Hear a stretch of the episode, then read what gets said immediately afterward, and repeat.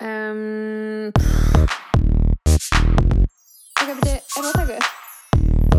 Ítt og takkan? Ég bara að glemma hvað ég ætla að segja. Uh, ég veit það ekki. En hvað voru að tala? Þannig að ítt og takkan? Ok, aðteglisbrestur? Á lokastíð.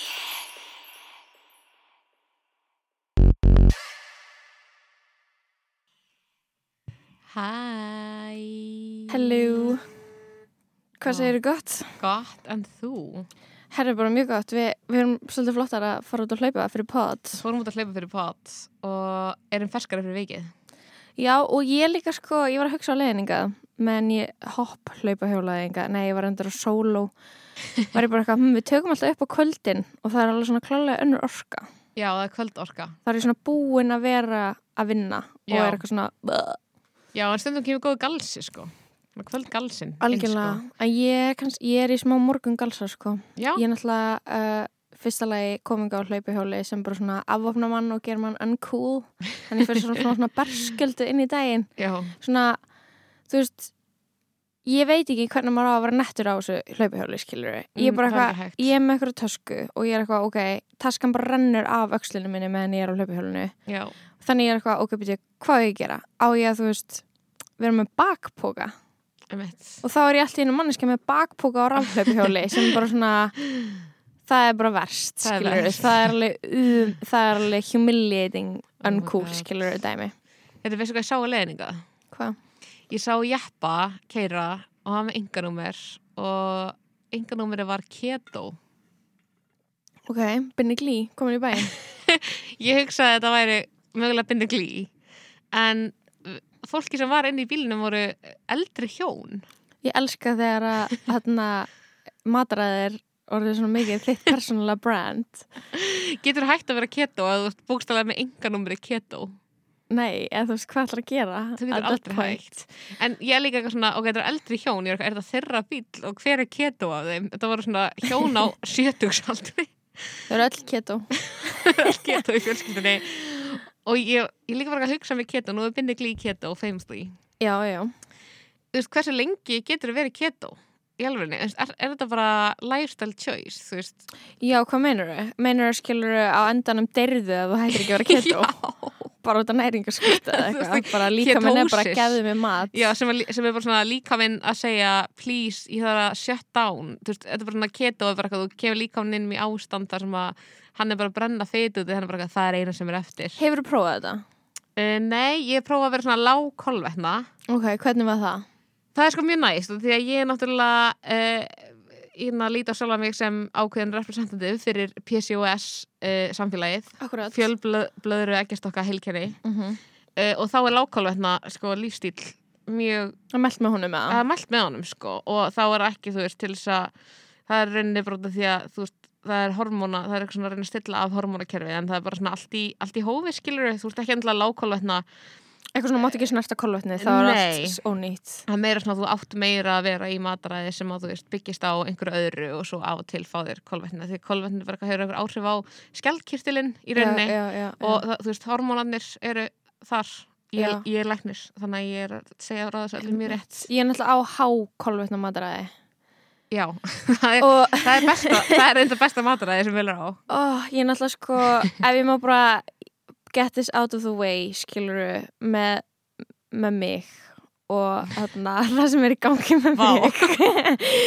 sko, ok, ég er núna tvist þessum Þetta, þetta bindst allt saman í eina stóra narratífu um Já, líf mitt sko. treystu mig bara hvert ég er að fara með þetta. Ég skilur þarna er ekki búin að vera að hugsa um mataræða neinuleiti eins og ég hef talað um aður þessu podcasti þá er ég búin að vera bara frosna pítsu mm -hmm.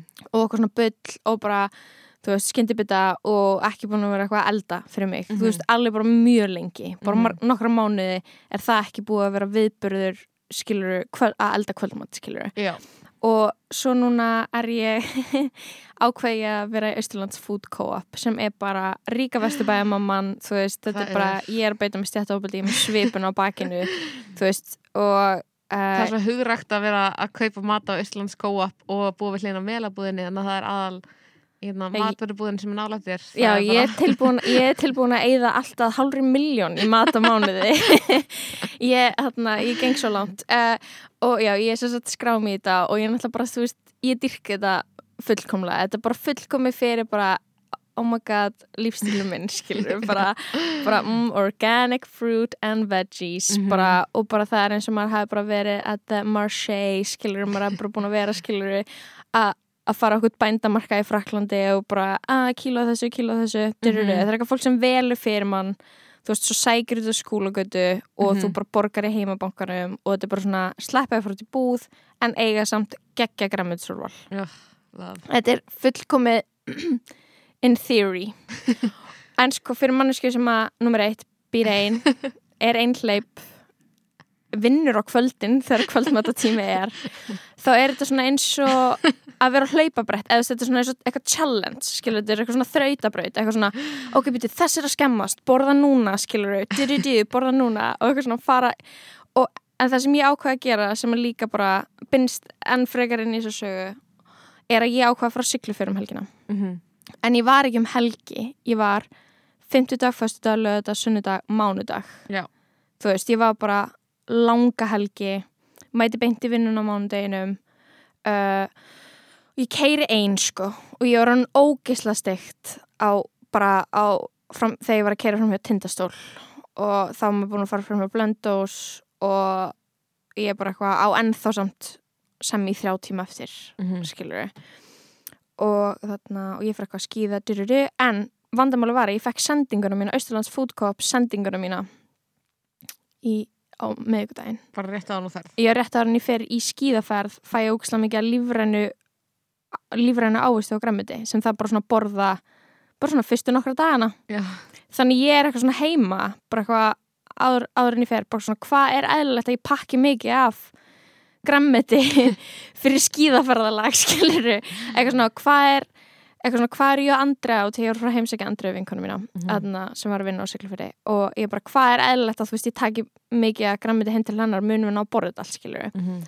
og ég eitthvað dyruru bla bla bla, pakka ykkur og, og svo borðaði ég náttúrulega ógeðslega óholt að sigla um helgina eða svona semi, þú veist ég fyrir bakarið ég er að köpa minn hlaup uh, ég drakk Baileys af einhverjum ástæðum og mér er óglatt og ég er núna bara bólugrafin eins og úlingur en ég á allt þetta lífræna grammiti og ég er bara ekki að vera lífstilskvínið sem ég ætlaði að vera. Og svo kem ég heim í hana á mánudaginn.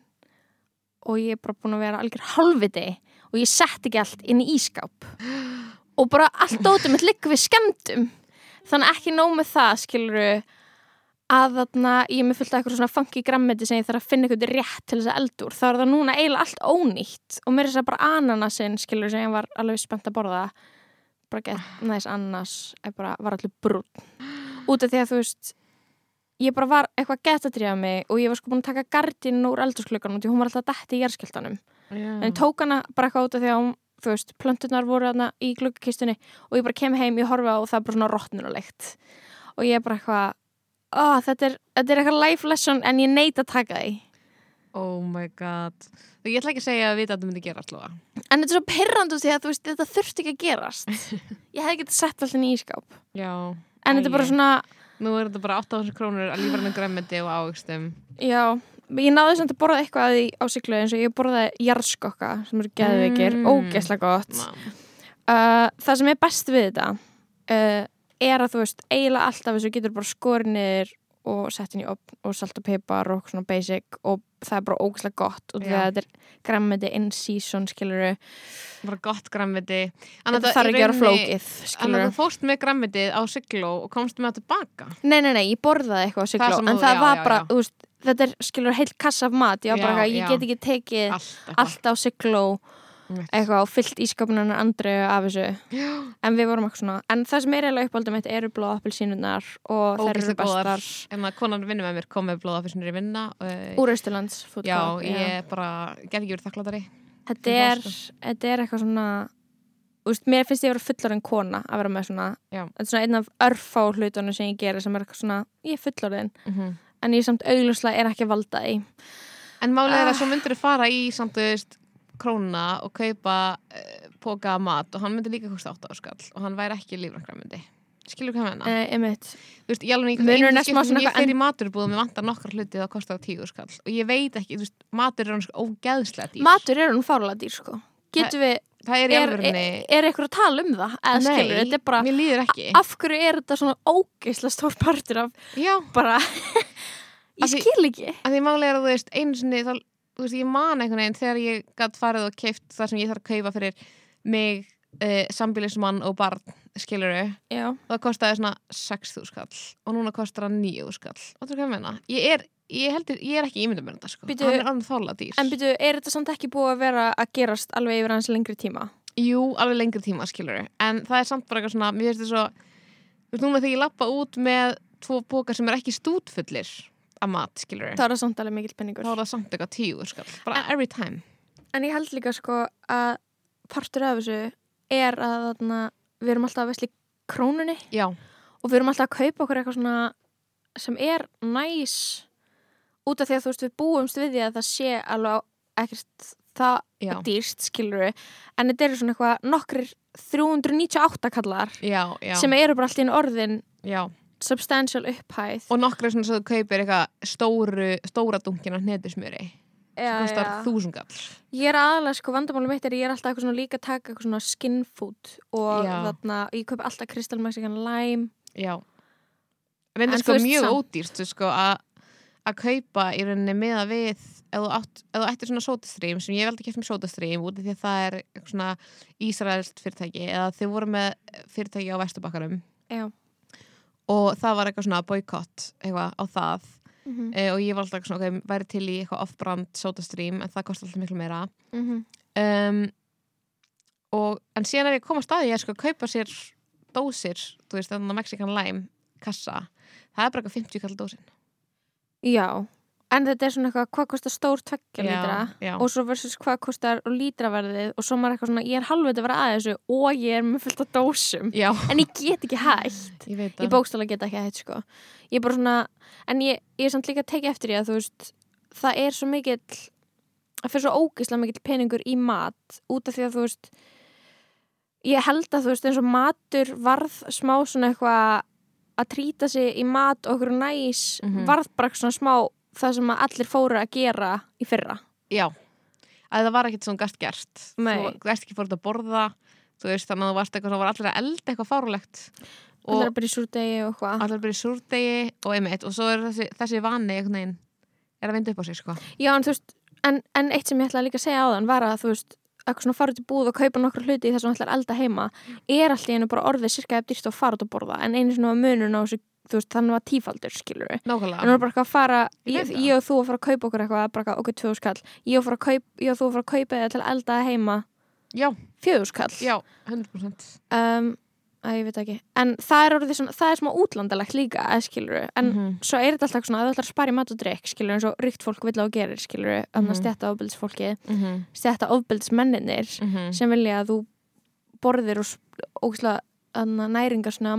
Mm til þess að safna fyrir íbúð Já, þeir vilja bara borða hafragraut þeir vilja Já. bara borða pasta með yngu eða núðlusúpu, pakkanúðlur og þá Mhm. deyrðu skilur við en ok, ég þarna uh, til þess að tala um þessi menningu sem að hefur ekki að gera með þarna mat og peninga uh, þá uh, var ég að vísa eftir í akstur minn á Siglufjörð, þá var ég að hlusta pot mm -hmm. oh my god já, ég þarna uh, þarna var að hlusta á ég er búin að vera að hlusta þess á podcast sem heitir Reply All. Mhm. en ég hlusta eða alla leðina á frjálsarhendum í Ítla og Jökulsinni og það er, besta, það er bestu þættir í Ó, heimi. það. Það er geðviki þættir. Ég var að hlusta á um einhvern átjöndur aldar mann sem var beittum mjög miklu þarna, harðræði í æsku og eitthvað, bla, þú veist, bara svona fullt af svona, svona sögum um gamla Íslendinga sem hann er að segja og hann er Mm. bestur og eitthvað. Uh, og þetta er brókslega áhugaverða sögur en já, allavega, ég var að hlusta á ég er að hlusta á podcast sem heitir Reply All sem er um, aðal svona það er svona veita, efnisveita sem heitir Gimlet Media uh, í bandaríkjanum og Reply All er alveg frekar gamalt podcast og þetta er bara svona podcast sem er allt sem tengist internetinu mm -hmm. Bara eitthvað á Twitter eða bara eitthvað svona internet phenomenon skilur Mm -hmm. og ég hef ekki hlustað eitthvað á alla þættina ég er ekki búin að vera eitthvað svona í þessu gett lengi en ég bara svona fann strax og ég hlusta á fyrsta þátt sem ég hlusta á þessu var eitthvað, það var eitthvað, oh nice eitthvað, tengi gett við þess að gauðra það eru bara okkur, þú veist nokkur aðalgauðrar og svo fá þau svona inn inn til sín, dyrri, eitthvað svona þess allar aðeins að fjalla um þetta topic. Mhm. og ég hlusta okkur gegga þátt um QAnon, skilur sem Mhm. útskýri það gett fyrir mér bara eitthvað, já, eitthvað hver er líklegast manneskjan sem er að þykist vera QAnon sem Já, er já. uppljóstrarinn sem allir er eitthvað að veist, hérna, vísa í út af því að hann er, að svona tala um eitthvað svona badnanýðis ringi og eitthvað svona alls konar conspiracy theories uh, sem allir boomers í heiminum verðast trúa. Já, og þetta er fárlegt og þarna ég eitthvað svona búin að, vera að hlusta á seríu sem að fjallar um Bon Appetit Test Kitchenið. Og Test Kitchenið uh, nei, Bon Appetit Magazine. Þannig að Test Kitchenið er svona eina af þeim sem eina af því sem ég hef eitthvað skoða gett mikið. Það er eitthvað svona YouTube-vídeó af gett næst kokkum að elda hluti á svona gett fallan hátt. Og þú veist, Bon Appetit skiluru er matar tímarit sem að algjörlega varð bara hipstervætti eða skiluru alla sína framleiðslu og varð bara ógisla vinsælt út af því að þú veist, þetta var ekki þetta er svona akkurat á tímabilinu þú veist, sem að veist, frum áhrifavaldurinn var að vera til á internetinu sem er eitthvað svona hlutir er ekki lengur bara hlutir heldur er líka lífstíl og ímynd skiluru Mhm. og þú veist, þú ert aldrei lengur að segja bara eitthvað, segja eitthvað þetta er næs að, þú ert að selja eitthvað þannig, þú ert alltaf að selja skiluru lífstílin ímyndina uh, hvað það, þú veist um, bara svona auðin á bakviða eða skilur hvað þú ert eitthvað, eitthvað svona tengist því að vera ríkur og eitthvað svona bla, æfattar um mig Mhm. uh, ég allavega horfði geðist mikið á Test Kitchen í, í COVID skiluru, okkar Claire Saffitz að þarna að reyn, hún, hún er gett oft með svona þættir sem hún reynir að búa til skiluru fræg sætindi nema hún ætlar að gera remake af því og betra skiluru eins og Oreo og okkar bla Mm. Twinkies eitthvað svona, þetta er svona hennar þeng en anyways, veistu eitthvað hvað Bon Appetit er? Já, ég hef heyrt um þetta en ég svona, og sé, mér svona sé fyrir mér eitthvað logo en þú veist, ég er svona BA Já, en ég hef ekkert eitthvað svona ég veit, ekki verið að horfa á þetta test kitchen heldur, sko. Ég er ekki inn, er ekki inn í svona food magazine og svona food show culture, sko. Þetta gerðist, eða, þú veist, þetta, var, þetta er samt algjörlega svona franchise sem að skiluru þú þarft ekki vera matar hipster, eða svona eitthvað að þetta er partur af, þú veist, konseptinu foodiein, skilur, Mhm. matar hipsterinn skilur, típan sem að eitthvað svona fíla góða mat, fyrir að borða á Instagram að því, bla, Já, eitthvað já. eldra, eitthvað næs fattar mig mm -hmm. og allavega, Reply All þættinir kom út sem kemur út einhver, einhver tveir þættir í einhverju fjörða þáttu seríu sem fjallar um rasisma á Bon Appetit okay. sem er bara svona frekar uh, crazy að hlusta á út af því að þú veist, þetta er bara svona allt sem þú þú veist, sama einhvern veginn hvað þú fílar hvort það sé bara matar, þættir Mm -hmm. það er, þú veist, það er bara svona kerfispundin, þú veist, alltaf skiluru Mm -hmm. uh, klíkuskapur útilókun uh, Mm. þarna uh, fordómar skilur ég man bara í fyrra í svona í mars, april, mæ þú veist þegar Black Lives Matter er í gangi og það er bara verið að taka fyrir alls konar hluti í menningunni sem eru problematic skilur þá fer í dreifingu mynd af rítstjóranum í ykkur svona eila blackface svona klættur í svona Puerto Rico eitthvað svona stereotypuna skilur New York, Puerto Rico skilur með cornrows og eitthvað þannig. Og, og hann er bara úst, þetta er bróksla vandralegt fyrir hann og hann þarf best afsökunar og eitthvað en svo er þessi svo er þessi seri að fjalla um og hún er byggða frásögnum skilur litara starfsmanna hjá hérna Bon Appetit Já. bara eitthvað sama hvað, eitthvað svona ég laði mig fram þá komst ég aldrei áfram svo er ykkur önnur, þú veist uh, sem er núna fræg þarna, frægur fútbloggara, ég man ekki hvað hún heitir en hún fór í bíf við Chrissy Teigen og, og Marie Kondo um, okay. æ, eitthvað bla mm -hmm. gæla sem er frekar fræg í bandaríkunum og þarna og þau eru eitthvað svona að lýsa eitthvað svona sínum uh, uh, tilfinningum og svo komist það þetta út og þá bara kemur þráður á Twitter bara eitthvað mannesk, eða þú veist, maður sem að vann hjá Gimlet og fyrir replay all, skilur í þessu teimi þetta er, þú veist, Já, pod, já, já. podcast í bandaríkjunum er oft, eða þú veist, Mhm. bara eitthvað þau sem eru svona geðt vel unnin, er bara eitthvað teimi af Fólki, já, mörgum, skilur bara eitthvað, já, bara rittstjórn bara eins og, dagblaðið eitthvað. Og ekki bara eitthvað fólk eins og við að setjast niður fyrir svona mæk, það er bara eitthvað, ég væri með handrit SMI og eitthvað undirbúið og bara svona ég vissi alltaf hvað ég var að fara að segja. Mhm. ég var ekki bara eitthvað freestyla, skilur og þarna það er crazy. Það var crazy, ég myndum aldrei gera það. Uh, og það bara kemur gett langur þráður, bara eitthvað, já þarna, það, er, veist, það, er ekki, ekki tasteful skilur að Reply All sé að gera seríu sem fjallar um Bon Appetit skilur uh, þegar að þetta er nákvæmlega það sama og viðgegst á þeim stað, á Reply All, já.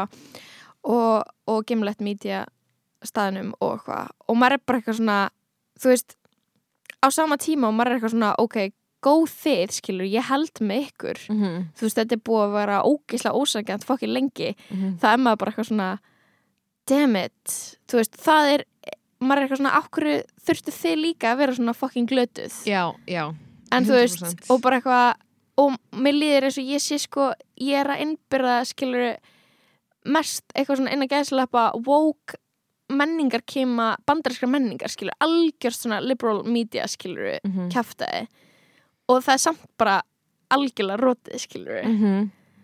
allstaðar og einmitt, þú veist uh, þetta er orðið svona það er svo mikið það er svo mikið af lögum af rasisma og það er svo, hann er allstaðar þú veist, einhvern veginn ég meina í bandaríkjunum er bara varð einhver svona bylting, skilur þú veist, Mhm. í fyrra og ég er einmitt búin að vera að hugsa um bara eitthvað svona vá, þú veist, ég veit ekki sem að finna einhver leið til að díla við þetta og því að enginn er ekki búin að vera fucking rasisti og aumingi, skilur Mhm, mhm. að þú veist, við þurfum að finna einhver leið til þess að geta haldið áfram, skilur með, með því að fólk taki ábyrð á gjörðum sínum, skilur Mhm. að því að, eða einmitt, þú veist já, ég er náttúrulega uh, þú veist, er mjög, mikið búin að hugsa um, sko, ég er náttúrulega Bachelor fan já, já, og þar er svona svipa búið að vera í gangi as in að þú veist Bachelor er mjög hvítur þáttur og Mhm. þeir sem að horfa á hann eru mest svona biblíubeltis þú veist, fólk sem býr í biblíubeltinu beltinu í bandaríkjunum Mhm, og er, þú veist, hvít fólk skilur Mhm, mhm. hvíta konur, mhm. horfa á hann þátt. Akkurat. Og hérna, þú veist uh, fyrsta uh, svarta konan sem var Bachelorette var Rachel Lindsay uh, fyrir einhvern nokkrum árum fyrir einhvern þrem árum. Ok, og uh, hún ræði og hérna, það var bara hann fyrst sinn og það var bara mjög minnsta áhorf á Bachelorette-seríu var á hennar seríu ok, og, Og- þá er líka hægt að nota það sem svona argument fyrir að gera það aldrei aftur. Já, nákvæmlega, þannig að það er eitthvað svona erfitt dæmi og þú veist, hún er bara svona hún talar um rasisma, skilur. Eða þú veist, sem er bara svona, það eru er alltaf einhverjir, þú veist, af öðrum kynþættum hvítum sem eru keppendur Mhm. en það er bara svona sem í regla bara þeir eru dottnir út í svona fjóra en þetta þeir vinna aldrei. Vinna aldrei. Já, og hérna svo er þú veist, í fyrsta sinn hérna uh, bæði, þú veist í, í kjölfar, þú veist George Floyd, veist, og, allar, og Black Lives Matter, veist, þessar svona byltingar í fyrra, Mhm. þá eh, tilkynir Bachelor að það verði fyrsti svarti Bachelorin sem er svona semi svona stærra en hitt skilur, þú veist, Rachel Lindsay klálega svona brautriðandi, en þú veist Bachelor er vinsætla fransæsi heldur en Bachelorette. Já, já, þannig að þú veist, það var svona alveg huge. Og síðan er eina líka í Bachelorette seríunni sem koma undan þessum eina Matt James seríunni sem er fyrst svarti Bachelorinn þá er eitthvað samtal, gerist í fyrsta sinnirunni í Bachelor að keppmendur eiga samtal um rasisma Mhm. og þá eru þið bæðið þess að Tayshia Adams sem er eh, hún er hálf hálf svört, hálf held ég tælenska þannig, ég held að eitthvað svona þannig hún er Mhm. mixed race, við Mhm. og svo annar keppandi sem er líka mixed race og þau að tala um í rauninni hvað áhrif þetta hafa þau og bara hvernig er búið að líða skilur Mhm. að vera í að hérna, þú veist hvað tilfinningar þetta vekur upp hjá þeim sem var bara svona geðvægt stórt af því að pródusörn ákveða alltaf hvað er talað um og veist, þeir ákveða hvað þeir nota skilur örgulega hafa einhversu samtal áttir stað á milli keppandi áður en þau hafa aldrei verið sínt Mhm. þannig að það er eitthvað svona huge. En síðan er það sem að gerist í seríunni sem er í gangi núna þá keppandi, þess að Matt James svartur bachelorinn, hann uh, er að deyta konu og, og as of now, þá veit ég ekki meir en þú veist það er kom, hún er Ok, alveg mjög líklega til að vinna. þessi þáttur er í gangi núna. Er í gangi núna. Alright. Og það er kona sem heitir líka Rachel önnur Rachel sem er mjög mikil frontrunner. Og svo kemur eitthvað TikTok þar sem einhver gæla bara, já ok ég man þegar þú varst að búlja mig í skóla fyrir að deyta hérna, þegar ég deytaði, þú veist, svartangur eitthvað hvítgæla, skilur oh Svo god. mann þegar þú búliði mig fyrir það og varst algjör rasisti þegar við vorum saman í school. Þannig sem Rachel líka hvít. Já, hún er Emmitt hann að hérna og þá fyrir eitthvað mega í gang, skilur bara eitthvað, fólk er bara eitthvað að tala meira og meira um hana og eitthvað. Og svo kom bara myndir af þessari Rachel þessari hérna hvítu Rachel sem sagt. Mm uh, í svona antebellum party. Svona, þetta er eitthvað svona party er svona eitthvað mjög bandarís dæmi svona söðuríkja dæmi þar sem að þú klæði þig upp í tíman sem að plantations er í gangi. Akkurat. Og þú klæði þig upp í svona fancy kjóla eins og eitthvað hvítkona sem að býra á einhverju plantation eða eitthvað, ég veit Mhm. það ekki, þú veist, einhverju svona s- sveitasetri í Já, já, söðuríkjanum já. og þetta er bara geðveikt rasíst koncept, þú veist, ég einhvern veginn tengdi ekkert það mikið við þetta því ég hef aldrei hýrt um þetta áður, skilur Mhm. en þetta er eitthvað svona þekkt dæmi. Að þá er Þetta svona, eitthvað basically að celebrate eitthvað tíma þar sem þrælahald var í gangi, skilur Já, já, já. Gamlu góðu tímanir gamlu góðu tímanir sem er náttúrulega bara mjög problematist út af því að gamlu góðu tímanir er gamlu góðu tímanir fyrir eitthvað hvítt fólk hræðilegustu tímanir fyrir alla aðra, skilur við Aha. þannig að hérna, og það kemur mjög mikið baklas og það sem gerist er að kynnerinn í Bachelor Já, fyrir viðtal til Rachel Lindsay fyrstu svörtu Bachelorette ok.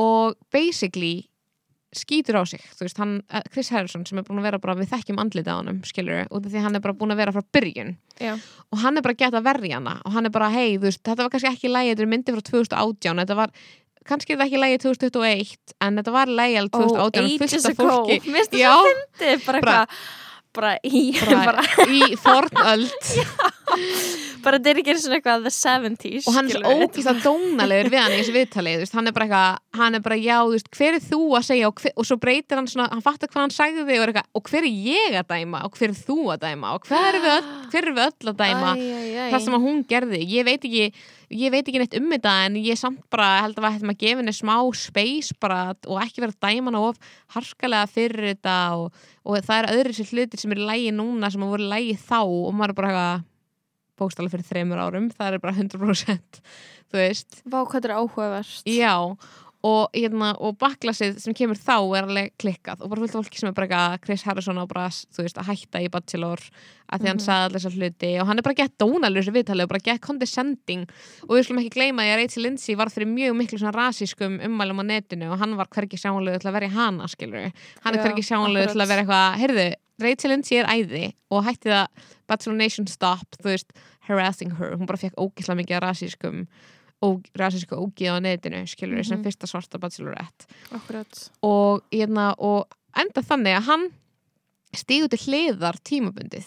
Bara Já, gefur frá ok. tilkynningu, bara að stíga til hliðar tímabundið. Um, og þetta er gett áhugavert því að síðan er það sem er búið að gera ég ætla ekki að fara inn að dítela því að bara svona endalaust bara svona fleiri keppendur, gamlir keppendur svona fólk er að finna alveg svona gömul tweet og gamla Instagram myndir af þeim í svipum partíum gömul tweet þar sem einhver er að segja bara eitthvað ógeðslega hluti, annarkvort rasíska eða ableist eða eitthvað svona, skilur Mhm. og verið það svona uh, og það er bara alltaf að koma eitthvað nýtt það er alltaf bara eitthvað meira og meira, meira, skilur og ég var að hugsa bara eitthvað svona getur þetta franchise, skilur bara bachelor, bachelorette mhm, þetta er problematíst koncept til að byrja með mhm. þetta er svona guilty pleasure áhorf. Að þú ert að horfa á fullt af konum Svona, þetta he- heteronormatífa bara ótrúlega brenglað svona datingferli þú veist, bara eitthvað æðst, eða þú veist, loka markmið er að finna gaur, mm skilur, þetta er mjög kristið skilur í rauninni. Mjög kristið, þú ert eitthvað svona uh, endamarkmið er að giftast eitthvað spöð og það er mjög lítið af þú veist að, hérna, að það er allar úksla hérna, konvensjonali fallegar, það er allar mjóar það er allar, þú veist en maður Mhm. horfir á þetta að því maður er bara með eitthvað svona guilty pleasure, þar sem maður bara horfa á þetta og vera eitthvað, þetta er svo fucked up og ég elska það Mhm, og ég er bara mhm. svona, ég dýrka að horfa á þetta skilur og vera bara Mhm. eitthvað, þetta er fáralega aðstæður bara eitthvað konur, eitthvað allar saman í ykkur húsi og þeir eru allar að deyta sama gaurin og hann eitthvað kemur, þeir eru alltaf bara í einhverju sama húsinu að býða eftir að hann kom og taki eina þeir og deyt og svo svona drama, þú veist, Já, ég meina þú veist, bara þetta endur þetta day skilur, maður er ekki að horfa á hluti út af að þeir eru siðferðislega upplýfgandi nei er bara, þú veist, bara að þegar maður er að leita skilurðu. skemmtun og okkur Mhm. áhugaverðu og svona svona efni er bara geðið vel til þess fallið er bara svona horfa og sjá bara eitthvað, já ok þetta er bara, skilur, þetta sýnur okkur eitthvað hliða á okkur sem, þú veist, og samfélagin okkar, skilur já. líka. sem er alltaf súr. Já. og það var svona pínu óþægilegt þegar þessir heima byrjar að blanda saman. Bachelorheimurinn og alvöruheimurinn þar sem er eitthvað svona pólitíska sviftingar skilur og það er eitthvað svona umræði í gangi. Já, og síðan er viðbrögð hérna, bachelor, þú veist hérna, vörumerkisins eru að í staðin fyrir Chris Harrison þá mun gæinn sem er með YouTube-vídeó hefur séð þarna Uncomfortable Conversation with a Black Man Þetta eru svona, hann Nei. bæði skrifaði bók og er með YouTube þetta sem hann talar basically að geggja vídeo sem hann er að tala um Matthew McConaughey Mhm. þeir eru bara eiga óþæld samtala um kynþætti mhm, þeir eru bara eiga svona honest samtal bara, já. þú veist, hvernig Það sem að hvítum við- að erum bara svitnar bara úff, bara já. að það er að horfast í, já Já, og er bara þarna viljugur, skilur til að vera bara eiga þessi samtöl og þetta er Mhm. ókslega áhugavert Mhm. og hann verður kynnir í After the Final Rose sem er svona special í þessum þætti þar sem er talað við fólki sem vann eða konuna sem vann og gaurinn, skilur Já, já, og svona, where are you now, er þið saman? Er þið, hvernig ætlaði að gifta ykkur? Blu blu blu, hann er að fara að vera kynnir í þessum þætti. Mér finnst það ógislega áhugaverð ákvörðin ógeðslega áhugaður ákvörðun að því hún er bara þetta er geðveitt pólitísku gaur. Já. hann er geðveitt lækabúl en hann er, skiluru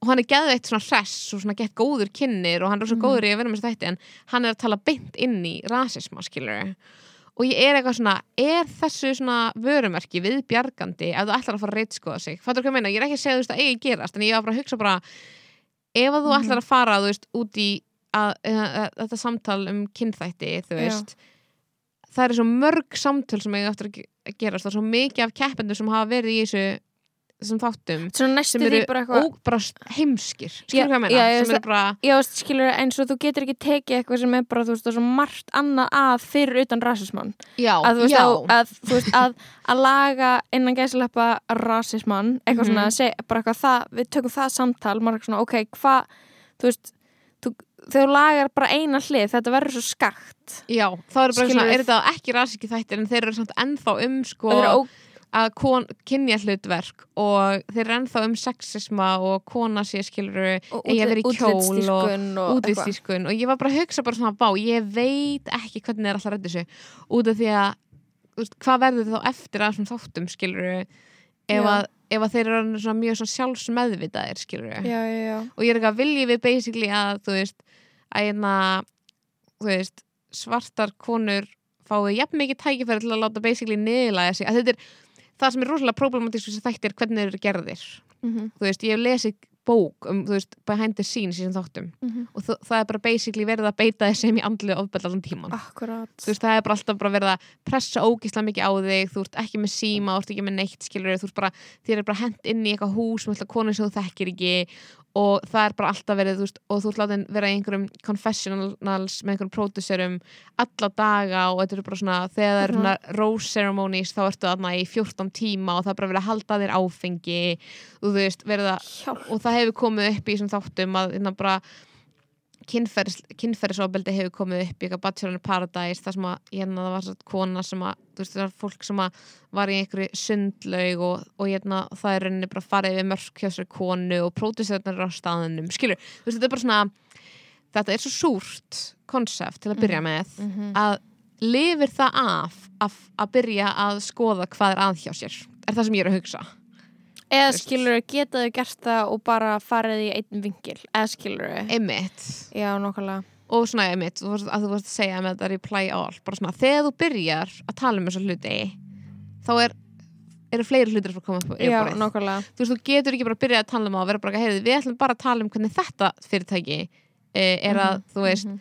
mismuna eftir kynþætti eh, án þess að tala um Sitt eigið. við sjálf gerum það Já, og það sem, skilur, það sem kom út úr því öllu, þeirri skoðun var, skilur, tveggja myndina langur þáttur sem Mhm. er bara afsökunabenni. Reply All segir bara, bara eitthvað, þú veist, við ætlum að leifa einum þáttunum að standa uppi, þú veist, við ætlum ekki að era næstu tvo og, og ég hugsa svona bara, hei, þú veist, ég var alveg til ég að hlusta áfram á þessu sögur, eða skilur, út af því að, þú veist, þetta er áhugavert og við lærum á þessu, skilur, og þarna, það basically snerist um e- þessa konuna sem að hún heitir Sruti og hún er þú veist indversk. Mhm. og þarna og hún skilur þarna vann þess að þætti Mhm. og, og hún sem sagt hættir og PJ Vogt. Þetta er reply all þetta. Já, já, og, þú veist, og hann hætti líka. Alex Goldman er áfram. Ég held þessu tveir eða þrýr sem eru svona aðal kjarnahóstanir Mhm. í þessum þáttum. Þannig allavega einn er hættur eða segir af sér slæð sagt upp þú veist, maður veit aldrei hvernig það er það er eitthvað svona stepping, stepping down skilur eitthvað svona og sem þýðir að bara svona veist, þátturinn verður ekki áfram til í sinni upprunalegu mynd og ég veit það ekki, minnst eitthvað svona en einmitt, er, það er, þú veist, pælingin er svolítið svona, er það alltaf besta lausnin? Já, þegar við tölum um þetta með, þú veist, seek treatment, skilur Já, sem já. að við fílum báðar, en, en já, einhvern veginn, þú veist, væntanlega út af því að, þú veist, um, já, ok, það sem ég ætla að segja er að þetta snýrist rosalega mikið um líka eitthvað svona, aðna, stjættafélag. Mm. Að þú veist, eitthvað svona, þau vildi ekki standa með þeim í eitthvað svona stjættafélagi og það snýst þú veist, snýst svo oft um í bandarækjunum eitthvað svona, þú hefur ekki atvinnu örgi og þú ert svo oft eitthvað svona þú veist, að keppa og vera skilur intern og eitthvað svona að reyna að sanna þig en þú veist eitthvað, þú hefur, ald, hefur svo lélega réttindi oft sem starfsmæður þannig að þetta var, það var svona svolítið blanda inn í þetta sko, svona stjættabarata Mm og þú veist, í bandarækjunum þá er svo oft, auðvitað er rosalega mikið af fátöku hvítu fólki í bandarækjunum skilur sem að strögglar Mhm. en þú veist, stjætta privilegin haldast mjög oft í hendur við þú veist, kynþátt. skilur að bara einhver hvít manneskja getur unnið sér upp metrarstegan út af því að mamma og pappi borgar leiguna skilur já, og þetta er ekki staðan sem allir eru í þannig að þú veist, það verður partur af umræðinu og ég er eitthvað svona, ok, áhugavert uh, út af því að mér finnst svolítið mikið eins og bandarækjumenn séu búin að reyna að laga sig með representation, bara, herri, við setjum eitt svartan í þáttin, við setjum eina asíska konu, problem solved skilur Mhm. þegar, þú veist, það sem að þarf líka að gerast er þarna væntanlega bara alvöru jafnbretti skiluru og það er aldrei að fara að takast í bandaríkjunum þegar að þú veist, tækifærin til þess að einan gæsla bara ná langt er ekki þau sömu. Mhm. og þú veist það er eitthvað svona, þetta er eitthvað neginn búið að gerast eitthvað neginn í þessu eitthvað svona liberal woke drasli sem maður er eitthvað að horfa á. Maður er eitthvað já uh, ok, cool, eitthvað svona þau eru með pælingar og ég, þetta er skemmtilegt svona, þetta, er, þetta er mitt vibe, skiluru en svo bara er þetta bara stjætta og kynþáttaskipt skiluru og bara eins og Mhm. er bara, þú veist, ég held að sé, ég er búin að sjá bara gett ofta á Twitter eitthvað segir bara eitthvað, já, einmitt, eitthvað svona þau eru búin að ráða eitthvað eitthvað, það er svartur leikari komin í þátt núna en eitthvað svona munið hvernig var komið fram við mig eitthvað, blöð, eða þú veist, veist, veistu hvað er að tala um þetta er alltaf já. að gerast á Twitter, eitthvað Mhm. er eitthvað svona já, uh, en þetta er basically það sem er þú veist, their way kerfis, er bara kerfisbundna vandamálið er einhvern veginn uh, ekki, þú veist, það, það er einhvern veginn reynist svona erfiðast að breyta því Mhm. að þú veist, þó þú takir inn þú veist, reynir að hérna, ráða fólk, þú veist, af alls konar kynþáttum, þá einhvern veginn helst þetta kerfisbundna vandamál og þetta Mhm. viðhórsvandamál einhvern veginn, Mhm. eins og ég var líka einmitt að hugsa skilur bara hvað, þú veist og bara eitthvað vinnu um hverju er ekki örugt og, Já. veist, og bara þú já, að ég veit ekki þannig að ein, já, ég ætla bara að segja skilur, maður er búin að, mér er búin að líða eitthvað svona skringilegt maður fer í skilur uh, ég er svo mikið, mér langar svo mikið að tala um Small Axe þættina sem við Já. varum að horfa á út því að mér finnst að tengist þessu gett mikið en þetta er basically bara eitthvað uh, strax svo einhver hvítur þarf að setja ábyrð fyrir ræsika hegðun og það er eitthvað svona dæmi sem maður fílar þá er maður eitthvað svona ok, en er þetta ekki svolítið þú veist, upprunlega, þú veist, það eru svona tilfinningarnar, þú veist, Mhm. óþægilegu tilfinningarnar sem maður er búin að þurfa að horfast í augu við er bara eitthvað byttu en þú veist, skiptir þetta og nú, þá fatta ég stundum hvernig er að vera gaur þegar eitthvað allar að cancela upp á já, leikaraníinum sem að perri, skilur, og þetta er bara þú veist, og það er eitthvað byttu en æ, þú veist, er þetta ekki svolítið harkaleg viðbröð, skilur akkurat.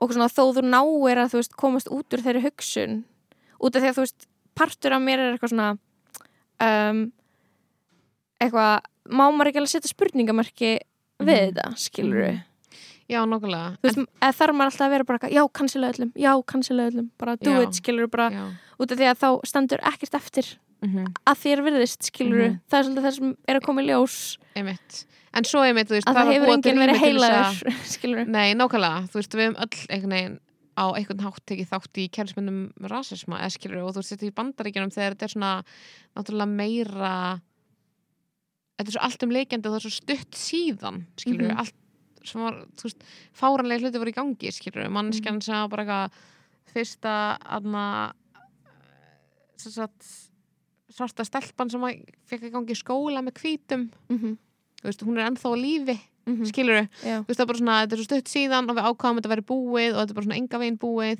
ógeðslega mikið sem á eftir að gera upp ógeðslega mikið sem á eftir að beðast afsökunar á og Mhm. þú veist, bara en, en þá finnst mér svo erfitt, það sem er mjög erfitt við þetta, ég er svona að reyna að einmitt henda reyður á því, á því út af því að þú veist, maður, maður hugsa þessa hluti skilur og, og það sem að mér hjálpa stundum er að hugsa nákvæmlega þetta sem þú veist að segja bara, að já, þetta er eins og þegar að gaurar er eitthvað, já, er þetta ekki svolítið mikið skilur já, að bara átta sig á því, bara já, já, já þú veist, þetta er eru forréttindi mín að tala Mhm. akkurat núna og ég þarf bara aðeins að bara, bara að slakka á þeirri hugsun skilur mm Mhm. forréttindi hugsunni og hlusta skilur og Eh, þetta er eitthvað svona spurning um eitthvað svona rými sem þú ert örugur í eða eitthvað svona að þú veist, þér liði vel eitthvað staðar og, og það er alltaf held ég það sem að skilur eitthvað svona MeToo reyfingin snerist um. Það er bara eitthvað, herru, við getum ekki þú veist, eitthvað, já, við getum borga konu já, mikið fyrir að leika í bíómynd eða þú veist, reyndar er það mjög fjari lagi, skilur, eitthvað svona við getum, eitthvað svona, við þurfum sterkar eitthvað svona, eitthvað barátta skilur bara eitthvað, hún virkar ekki ef þú síðan mætir í vinnuna og þeir líður óörugri og þeir líður óryggri og það er brotið að þér og Mhm. þú getur ekki skilur andað einhvern veginn skilur og bara verið frjáls skilur þannig að það er líka það sem svona, þetta snýst um að bara eitthvað, já, eitthvað svona content og hlutir eru skemmtilegir og eitthvað svona entertainment industry eitthvað, ef að fólki sem að vinnur þar þú veist, líður ekki vel. líður ekki vel að líður ekki sem sé velkomaðar líka. Já, og þættir eru ekki búinu til fyrir þig skilur Já. Og svo þegar að, þú veist, þættirnir eru búinu til fyrir þig þá er bara eitthvað abuse í gangi. Eða skilur, þetta er bara svona non-stop. Þú veist, um, en mér finnst þessu svona að einhver leita á sem er verið svona við frýjum fólk líka ábyrð með því að innblýna alltaf á einstaklinga sem ger eitthvað, sem að segja eitthvað slæmt. Skilur hvað ég meina, Mhm. svona þegar við tökum út einhverja einstaklinga fyrir að segja eitthvað Problematískt. s- problematískt, skilur bara hvort sem að það er, þú veist bara einhver sexismi eða rasismi eða hvað þá svona erum við svolítið að fríja setja okkur að herri stall, skilur hvað ég meina já, já. bara svona með því að vera eitthvað ég, ég myndi aldrei gera eitthvað svona Já, með því að vera eitthvað, já, þú veist, einmitt, þessi var að segja þetta, var ég trúi því ekki. Bara, jú, þú trúir því að þú hefur heyrt þessa hluti e, þegar að manneskjan af þessum kynþætti eða kyni er ekki kring og þú Mhm. sagðir ekki neitt. Mhm. Skilur þú hefur, þú veist alveg, skilur að þetta viðgengst. Og, þú veist, og mér finnst svona stundum svona, það er það sem fyrir töðandar á mér, er bara svona, eða fólk er að ég er í sjokki þetta sem er bara, nei, þú veist, þetta er ekki í sjokki, þú veist alveg, þú veist, þú veist alveg innra með þér að þetta er orraðan sem að er búin að vera Mhm. accepted gett lengi, þú veist, það er eitthvað svona gömul tvít og eitthvað, og það sem er stundum svo, þú veist, slæmt að, einmitt, taka þá mannskju út og bara svona lóa henni, skilur við, ómberlega, Mhm. og þá, þú veist, ertu bara svona að láta eins og, þú veist, þetta sé Við ekki sem er kerfisbundi vandamál sem við erum öll búin að taka þátt í Já, akkurat, Skilurðu? bara eitthvað kultúr bara, og það, já, Já. það var einmitt eitthvað svona gamalt bachelor-keppandi, svona fullt af tvítum frá 2013, 12 og eitthvað, þar sem hún er sko bara bókstæðlega, þetta er kona sem er búin að vera advocate fyrir, skilur hún er, þú veist, held ég svona mixed race og hún er kona og Mhm. hún er bara svona við get toxic tweet frá 2012 og 13 þar sem hún er bara eitthvað, að þessi feita gella eitthvað svona, segja toxic hluti hún er bara svona, er, hún er bara eitthvað svona að þessi, Einmitt þessi það, ógæslega já, ljót og. Katy Perry ógæslega ljót brjóst og svo er hann eitthvað svona að segja rasiska hluti eitthvað þessi asíska kona þetta Æ, þú veist, eitthvað svona dót, skilur sem ég var Já. eitthvað svona, ok, þú veist nú erum við að tala um 2013 og við erum að tala um Twitter og við erum þú veist, það eru svo margir þú veist, og hún var að gefa út eitthvað mega afsökunarbeðni og allir voru ekki ekki góðir í að gera afsökunarbeðnir einmitt. og á, á einhverjum tímúti þá er ég bara, ok, þú veist, núna getur þú í raunni uh, já, fengi ég ógstlega mikið baklas á netinu fyrir eitthvað sem hún sagði fyrir löngu gefa út afsökunarbeðni sem er geðveikt verðist koma á einhverjum einlægum stað eða ekki, skiluru og, og ég veit ekki hvað við lærðum á því Mhm. að þú sétt núna bara búið að afsök, beðast afsökunar Mhm. og þú ert ekki búin að fara í sauman að því af hverju þú talaði svona eða af hverju, eða skilur hvað ég meina Mhm. Hva, hvað var umhverju sem þú varst í sem að gera það að verkum að þið varst eitthvað fyndið að tala svona, Mhm.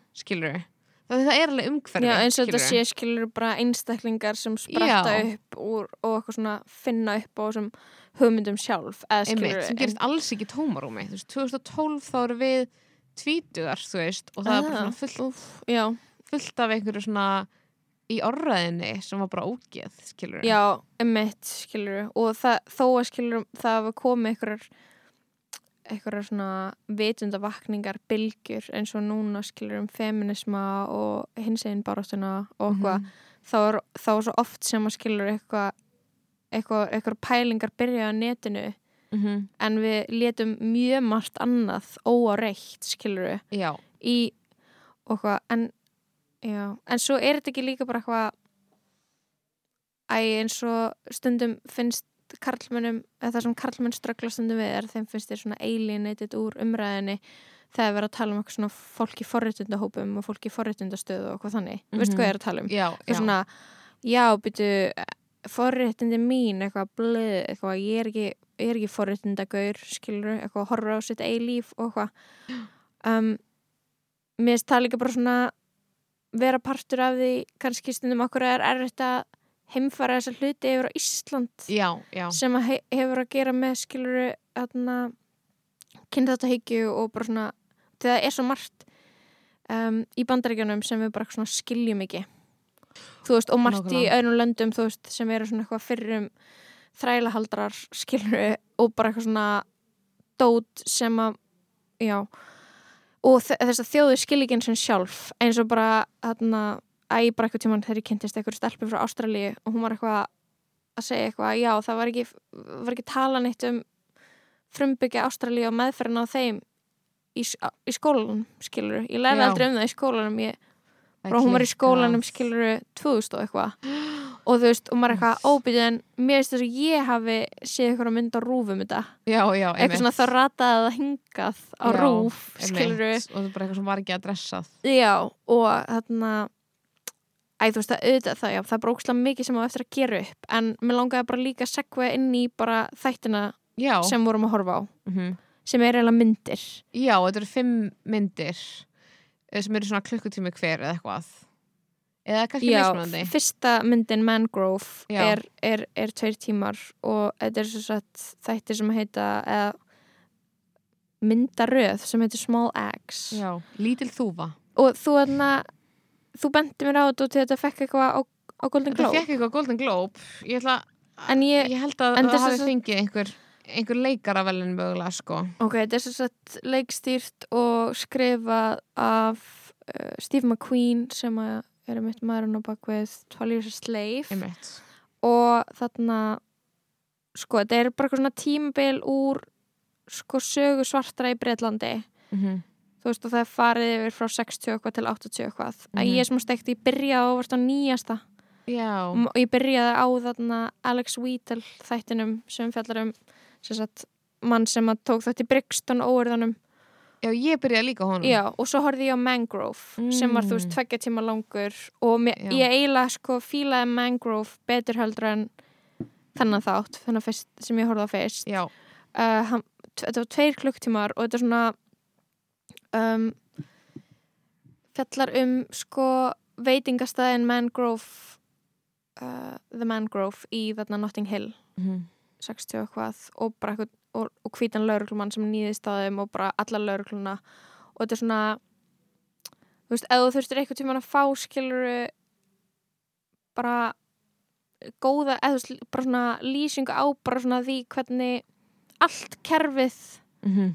Kemur illa fram við þig skiluru og Já. bara og gaslighting sem er svona viðgengst Æ, það er svo erfitt að setja ekki búin að horfa á hana þátt og því að hann er sko Ó, já. ógeðslega góður ok ég eða ætla að horfa í þátt kvöld. mynd, þetta er skilur tveir tímar Mhm. og maður er bara eitthvað þú veist, ég var í rusli allan tíman Mhm. skilur, en inn á milli þá eru skilur geggja svona happy moment skilur, það Já. er gett svona eitthvað það er bara karnival, Notting Hill karnivali sem ég farið á sem er styrlað í dag, það er svo Mhm. stórt Mhm.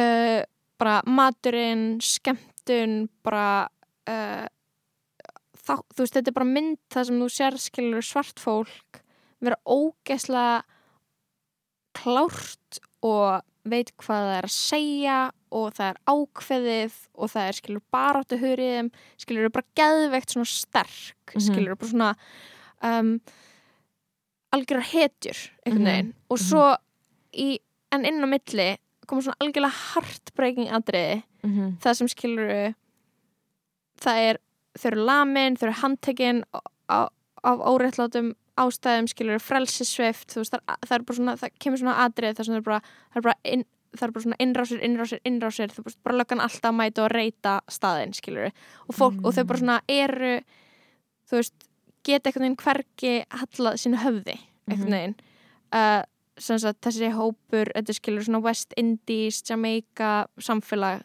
í, í. Breitlandi skilur og þarna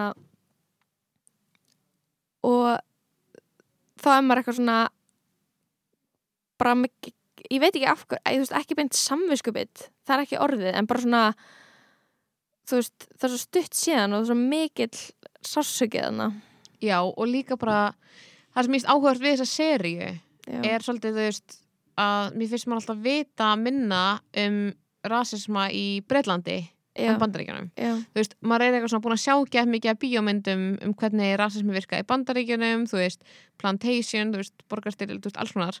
mhm, En hérna, þegar það kemur að Breitlandi þá held ég að það sé líka alveg bara svona tilfinning sem kemur líka bara frá Breitlandi að þau séu bara, þau eru bara Breitlandi er melting pot og við erum öll bara búið eina saman í gett sátt samlindi og maður er bara eitthvað svona fyrrum þarna, nýlendu herrar Já. með eitthvað svona fullt af þjóðum Já, og maður fattar Já. ekki að þú veist hversu uh, þú veist, hvernig lífið hefur verið fyrir fólk sem að var bókstaflega rænt, skiluru Mhm.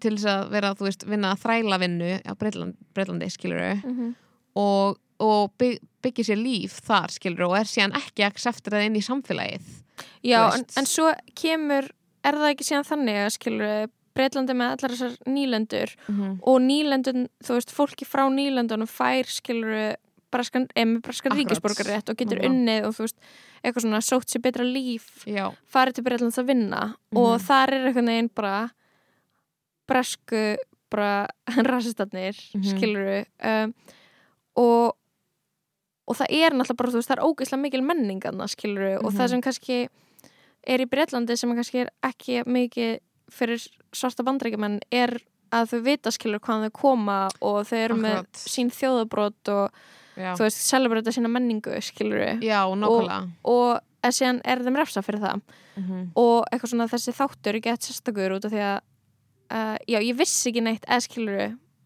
ég vissi ekki neitt um bara svarta í Breitlandi bara hafði ekki hugmynd Nei, nákvæmlega, einmitt. Og þarna okkur svona svo hefur maður, eða þú veist, því ég verið hans í London og ég svona farið á eitthvað svona hátíðir og, svona, og aldrei vitað alveg hvað ég er að sjá. Já, nákvæmlega. Og þarna, en svo fannst mér líka bara geðið að hlusta á Jamaica mál. Mm -hmm. Mér fannst það svo geggjað. Það ég var geggjað. bara eitthvað þú veist ég svona, ég skil okkur hann að hvítt fólk fyrir eitthvað að dyrka rasta menningu.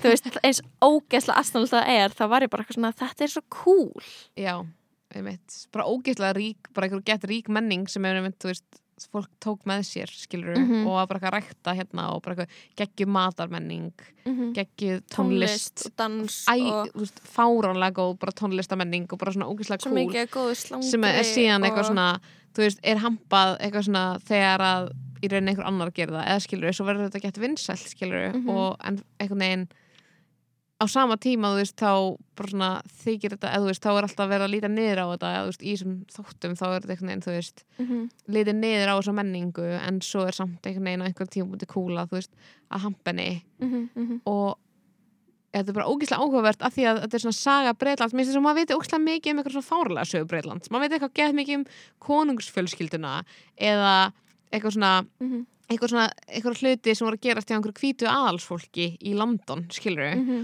og maður veit ekkert um þennan ánga menningarna skilur sem er bara geðvegt stór hluti af henni og þess vegna held ég að þetta sé svona sögulega bara gett mikilvæg þættir því þú veist þannig er maður ofta, þetta er ekki kent í skólum bara pottjett, eða skilur eða Mhm. hefur örugglega ekki verið gennum tíðina þú veist, að bara segja manni, þú veist, hvernig þessi hlutur gerðu, þú veist, ég vissi ekkert um hvernig þessi þjóðabrott komu til Breitlands og skiluru, og byggðu síðan bara Breitland upp, skiluru, Mhm. Og já, mér finnst það bara, þetta er ógeðslega áhugavert, sko, og þetta er ógeðslega góði þættir, eða þættir eða litlar myndir, skiluru, Einmitt. og þess að John Boyega sem að vann uh, Golden Globe fyrir sem það, í einna af þessum myndum. Ok. Uh, og hann er einmitt, þú veist já, svona, svona svolítið frægur. Hann var leikið Star Wars og hann var síðan líka svona vakti mjög miklu aðtegli í Já. Black Lives Matter hérna, böðunni þar sem hann var bara þorðið að tala um rasisma og hélt ræðu á Matter þú veist, mótmælum og svona var svolítið svona Já, einn af þeim sem að þorði þrátt fyrir sína stöðu sem Hollywood-leikari skiluru að tala um þessa hluti mhm. og er bara ósla töff. Ok, ég er ekki búin að sjá hann þegar ég er búin að horfa okkar tvent þannig að hann er í ykkur sem ég er ekki búin að sjá. Hann er í Red, White and Blue. Já, ok, það er næst. Já, þetta er- er um, er líka heartbreaking en á sama tíma þá er þetta ógeðslega mikið af cool dóti líka maður, þú veist, hlustar á eitthvað svona bresta rap. Mm þú veist, þetta er bara svona, svona mikið af stöffi sem ég veit ekki, skilur og líka ef maður þú veist, hefur áhuga síðan að sjá einhvern veginn hvernig þetta, hefur, að þetta er náttúrulega þættir sem gerast flestir þú veist, 1950 til 80 eða eitthvað þannig, Já, eitthvað svo leiðis og uh, síðan þú veist fekk ég smá svona eitthvað keim af einhvern þessari menningu og þessi svona tungumáli og svona dialekt og svona sem verður til mm -hmm. í I May Destroy You veist, Mhm, þá var maður mhm. smá að sjá svona hvernig það identity er núna þú veist, aðeins meira og sem er geggjað sko. En er bara, ah, já. En það er einmitt áhugast að því á Íslandi er, þú veist, ég sá geggjað tvít um daginn sem ég þarf alveg að finna aftur, þú veist, sem að er bara, hvort að segja skiluru að það meiki ekki, það meiki en sens að tala alltaf á Íslandi, mér finnst oftur að tala um svona að hvítir kallar og mér finnst það stundum svona virka illa á íslensku, skilur hvað ég meina? Mhm, að því að hérna, rasism á Íslandi er um, ekki síst sko þú veist, það er ekki bara hvítur húðlitur, skilur Já, hann beinist Það- gegn innflytendum Já, gegn af- innflytjendum. Já, og, þú veist, og oftalega brjálaðislega mikið, þú veist, pólverjum, þú veist, pólskum köllum, skilur algjörlega, algjörlega. Og hérna og einmitt, þú getur verið, þú veist, með hvítan húðlit og verið frá, þú veist, Íran eða verið muslimi eða eitthvað. Og þá er það, þú veist, be- beinist rasism gagvart þér, þannig að það er oft svona pínu einhvern veginn, svona fyrst mér misvísandi að tala alltaf um eitthvað, já, þetta er bara hvítir, þú veist, kallar af því það er eitthvað svona einhver rasismi sem að við áttum ykkur, já, svo finnum náttúrulega ekki þetta tvít það var svo erfitt að, þarna, að horfa á, á Mangrove þáttinn eða myndina Mhm. þar sem að skilur þau eru í réttarsal mm -hmm.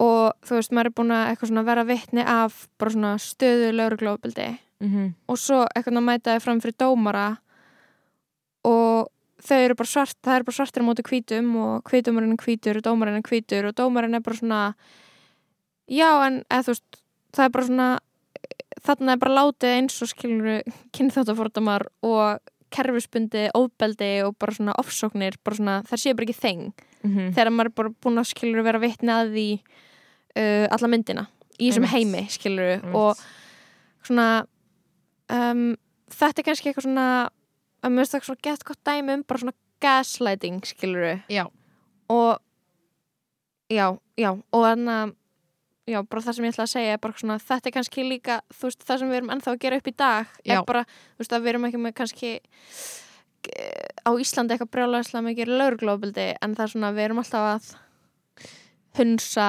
einmitt það sem fólk segir þegar það vill tala um Nákvæmlega. kynþátt þá viljum við ekki hlusta, skilur við Já, það er að segja, nei, þetta er ekki svona tvítið er, ég fann það þess að Jóvana á Twitter Mhm. uh, það er orðið ótrúlega mikið vandamál að nota hugtæki hvítur yfir forhundahópa Íslandi og yfirfæra vandamál bandaríkjana yfir Ísland. Þegar hér er vandamáli menningarleg og trúarleg mismunun þar sem þjóðarnis breytan spilar miklu meira vægi. Uh, fólk sem að býr hér á Íslandi og kemur til þess frá Íran, Sýrland og Svartalandi tilhör rauninu öll hvítum kynþætti en þau hins vegar glíma við fordóma í garð tungumálsins þeirra stafrósins og trúar.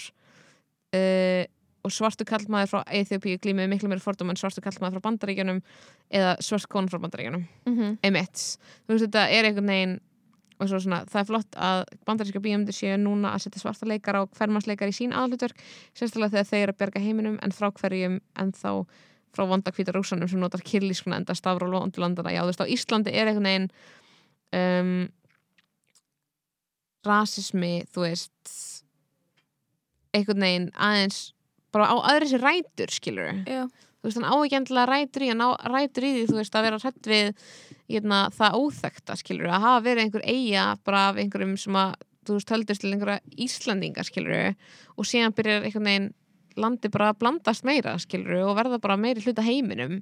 Og þá einhvern veginn verður þessi rasismi er bara rosalega mikil svona þjóðarnishyggja að einhver leiti algjörlega.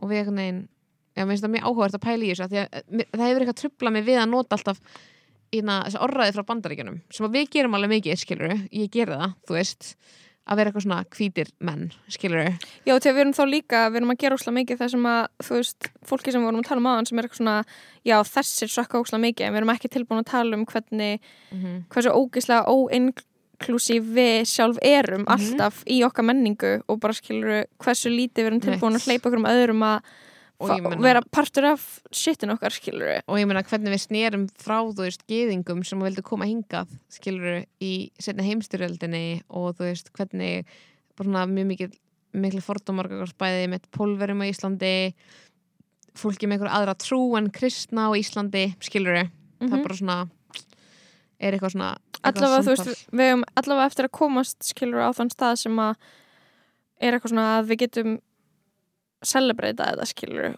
og við erum eitthvað svona ánægð og stolt af fjölbreytileikanum. Mhm, nákvæmlega.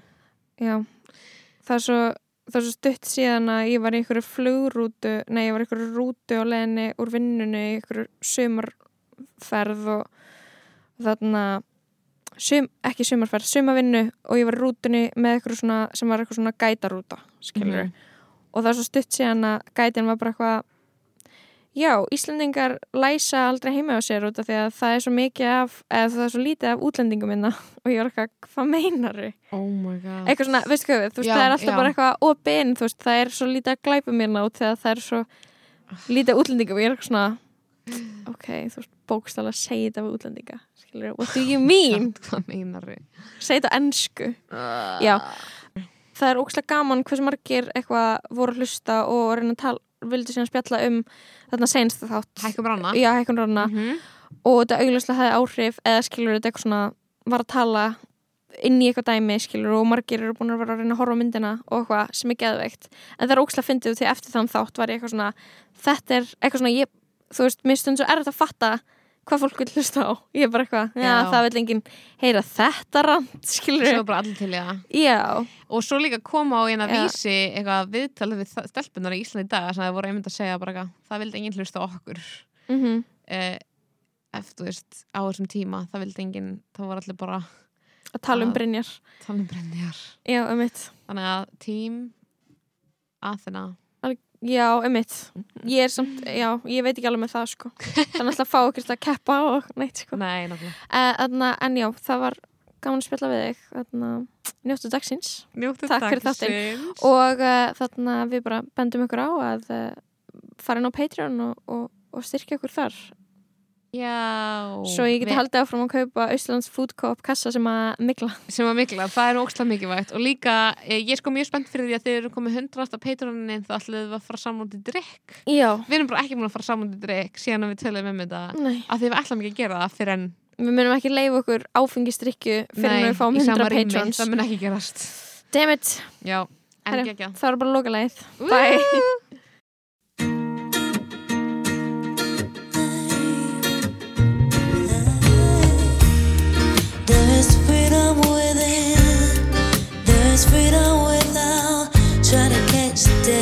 In a paper cup. There's a battle ahead. Many battles are lost, but you never see the end of the road while you're traveling with me.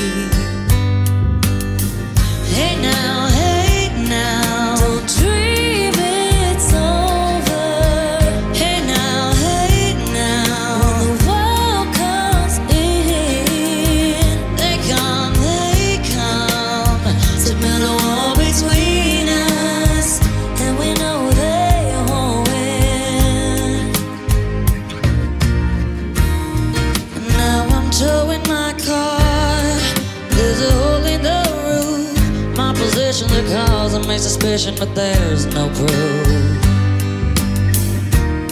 And in the paper today, it tells of and of ways, But you turn right over to the TV page.